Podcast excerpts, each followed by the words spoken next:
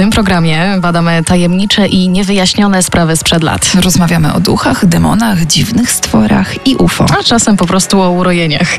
Dziś przyjrzymy się historii, w której sami swoi spotykają się ze Star Trek. Możesz się śmiać, ale historia wydarzyła się 44 lata temu, a wciąż wzbudza wielkie emocje wśród polskich ufologów. No okej, bez wątpienia była to największa sensacja z udziałem Polaka we wszechświecie. Nie licząc oczywiście takich dwóch, co ukradli księżyc. Zatem Olka, może zacznijmy opowieść o kosmitach, którzy odwiedzili pewnego rolnika na Lubelszczyźnie. To już brzmi dobrze. Stranger Things. Sprawa dziesiąta. UFO w Emilcinie. Miejsce. Województwo lubelskie, Polska. Data. 10 maja 1978. Tego ranka Jan Wolski wracał do domu z Dąbrowy Pusznińskiej. Jak często miał to w zwyczaju, postanowił skrócić sobie drogę odrobinę i skierował swoją furmankę do lasu. 70-letni rolnik dobrze znał okolice i myślał, że nic go nie może zaskoczyć. I tu pewnie nie zaskoczę was, mylił się. Bo po krótkiej przejażdżce przez las, za drzew wyskoczyły na niego dwie istoty. Początkowo Wolski myślał, że to dzieci bawiące się w lesie, jednak po chwili dostrzegł ich dziwne, czarne skafandry, skośne oczy i co najważniejsze twarze w kolorze zielonych oliwek. I teraz nadchodzi najlepsze. Po chwili przyglądania się Janowi rzekomi kosmici wskoczyli na furmankę. No i co? I pewnie go ogłuszyli maczetą, bo pochodzili z Krakowa, A tak? właśnie nie, bo to byli mili kosmici. E, Uśmiechnęli się do mężczyzny i pokazali, w którą stronę ma jechać. E, Taka nawigacja nowa. Wolski w późniejszych wywiadach udzielonych Zbigniewowi Blani Bolnarowi twierdził, że w ogóle nie czuł niepokoju czy zagrożenia. I tak przez kilka minut wesoła furmanka z kosmitami i Wolskim jechała dalej przez las, aż w końcu dojechali do pobliskiej polany. Tam oczom rolnika ukazał się pojazd kosmitów. Na portalu Geek Week znalazłam nawet archiwalne rysunki tego, jak według opisów pana Jana wyglądał ten A, statek. pokaż, pokaż, masz Proszę. to gdzieś? Mhm. Mm. E, czyli tak, jest skrzyżowanie kampera z dronem. Tak, Mm, tak. No nietypowe zdecydowanie. E, Nie wiem, wizjoner czy coś? No tak, no według opisu Wolskiego y, pojazd był zrobiony ze srebrzystego metalu. W rogach miał coś, co mężczyzna nazwał wirami. Y, Aha, no i statek przez cały czas bzyczał jak transformator. Po tym jak furmanka dojechała w pobliże statku, kosmici gestami pokazali mężczyźnie, by przywiązał swoją klacz do drzewa, a sam razem z nimi wszedł na niewielką platformę. A ponieważ obcy wydawali mu się sympatyczni, Wolski postanowił ich posłuchać. Po chwili winda zaczęła się bezdźwięcznie unosić w kierunku statku. W pojeździe kosmici gestykulując i wydając piskliwe, szybkie dźwięki, zakomunikowali mężczyźnie, żeby się rozebrał. Ups, kosmici naturyści. Gdy Wolski zdjął ubranie, kosmici przybadali go dziwnym urządzeniem, po czym kazali mu się ubrać. Po kilkunastu minutach badań obcy pokazali rolnikowi, że może już iść. Ten jako człowiek kulturalny postanowił na odchodnym ukłonić się swoim gospodarzom. Y, Obcy odpowiedzieli też mu ukłonem, po czym Jan Wolski zjechał windą do swojej furmanki y, i pojechał w stronę domu. Nim przybysze odlecieli z nad Emilcina, postanowili jednak pokazać się sąsiadom pana Jana. Poczekaj, poczekaj, bo tak, najpierw była randka rozebrana, potem chcieli Mm, poznać też. znajomych rodzinę. No to się musi skończyć oświadczynami jak nic. Statek przeleciał nisko niemal nad całą wsią. Wtedy dostrzegły go bawiące się w okolicy dzieci. Następnie na kilkadziesiąt sekund zawisnęli na niebie, by potem ruszyć z ogromnym hukiem, który słyszeli wszyscy mieszkańcy. Jan po powrocie do domu opowiedział o swojej przygodzie synom. E, Ci z kolei przekazali tę historię sąsiadom.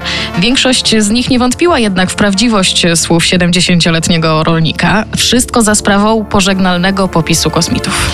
Choć do niedowiarków, jak łatwo się domyślić, należał komendant milicji z Opola Lubelskiego, porucznik Stanisław Plis, który był na wizji lokalnej w Emilcinie i przesłuchał Wolskiego. W jego raporcie można było przeczytać, że prawdopodobnie całe zajście po prostu się rolnikowi przyśniło. Tymczasem historia Wolskiego szybko zataczała coraz szersze kręgi i niebawem dotarła do amatora poszukiwań UFO z Lublina, pana Witolda Wawrzonka. Ten z kolei napisał do człowieka, który sprawił, że o Emilcinie słyszał cały świat. Miejsce. Łódź. Data. Lato 1978 roku. Zbigniew Blania-Bolnar z zawodu był socjologiem, a z zamiłowania badaczem bliskich spotkań trzeciego stopnia. Wierzył w cywilizacje pozaziemskie, ale większość spotkań z kosmitami uważał za mistyfikację. Dlatego też uważał, że każdy z takich przypadków należy starannie i dokładnie przebadać. Blania-Bolnar niezwłocznie przystąpił do pracy. Pierwszym krokiem było skierowanie Jana Wolskiego do psychiatry, doktora Ryszarda Krasilewicza, a orzeczenie lekarza było dość jednoznaczne. Napisał bowiem tak. W mojej ocenie pacjent nie zmyśla. Do zdarzenia albo doszło naprawdę, albo pan Wolski ma silne przekonanie, że do niego doszło. Zachęcony takim orzeczeniem dziennikarz przeszedł do dalszego śledztwa. Przeprowadził masę wywiadów, zarówno z Janem Wolskim, jak i z innymi świadkami wizyty UFO w Emilcinie. Efekty dochodzenia okazały się na tyle przekonujące dla sceptycznego z natury socjologa, że postanowił całą sprawę nagłośnić. I jak to zwykle bywa po takich rewelacjach, nagle przypadki lądowania UFO zgłaszała połowa wsi w Polsce. Zainteresowanie relacjami Jana Wolskiego tylko rosło, choć większość Polaków była wobec nich sceptyczna.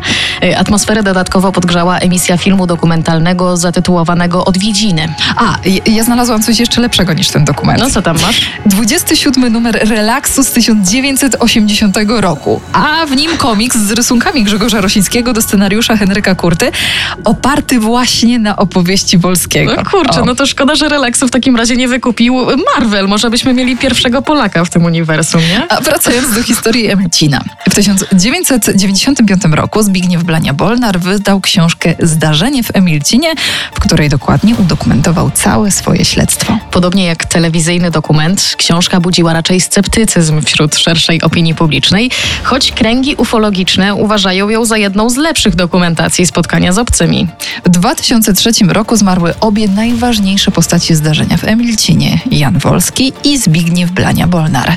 Podobno zarówno rolnik, jak i socjolog do końca życia wierzyli w prawdziwość tego incydentu. Z Emilcinem wiążą się jeszcze dwa wątki. Pierwszy z nich to wątek śledztwa innego publicysty, Bartosza Rdółtowskiego, który w 2012 roku przekonywał, że zdarzenie w Emilcinie było wielką mistyfikacją. Mhm. I kto był mózgiem operacji? Witold Wawrzonek, który według tej teorii chciał zdyskredytować Blanie Bolnara, a żeby go zmylić, zahipnotyzował Wolskiego i wszczepił mu fałszywe wspomnienia. Jak się domyślam, ta teoria raczej nie spodobała się polskim ufologom. No właśnie tak delikatnie mówiąc, nie są jej fanami. No. A skoro o polskich ufologach mowa, to warto wspomnieć o fundacji Nautilius, która w 2005 roku postawiła w Emilcinie pomnik upamiętniający spotkanie Jana Wolskiego z obcymi. Co więcej, pomnik wyposażony jest w system monitoringu, więc każdy w każdej chwili może sobie zajrzeć i sprawdzić, czy kosmici, tak jak przestępcy, nie wracają przypadkiem na miejsce zbrodni.